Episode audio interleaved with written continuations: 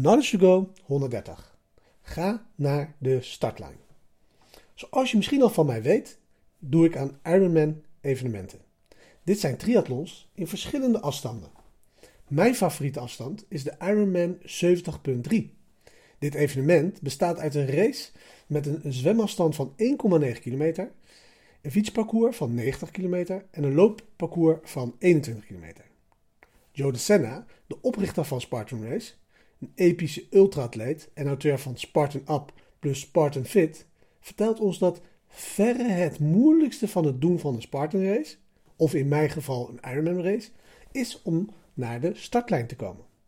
Als je eenmaal bij de startlijn bent, is het eigenlijk relatief eenvoudig. En dat is zeker ook mijn ervaring geweest. Het super lastigste deel is de weg naar de startlijn.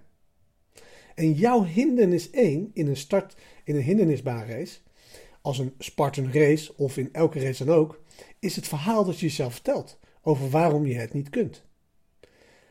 Een bekende quote van Henry Ford is: Whatever you think you can or think you can't, you're right. In Nederlands, of je nu denkt dat je het kan of denkt dat je het niet kan, je hebt gelijk. En dan is er Seneca die zegt: It's not because the things are difficult that we do not dare. It is because we do not dare that things are difficult. En in het Nederlands: Het is niet omdat het moeilijk is dat we niet durven. Het is omdat we niet durven dat het moeilijk is.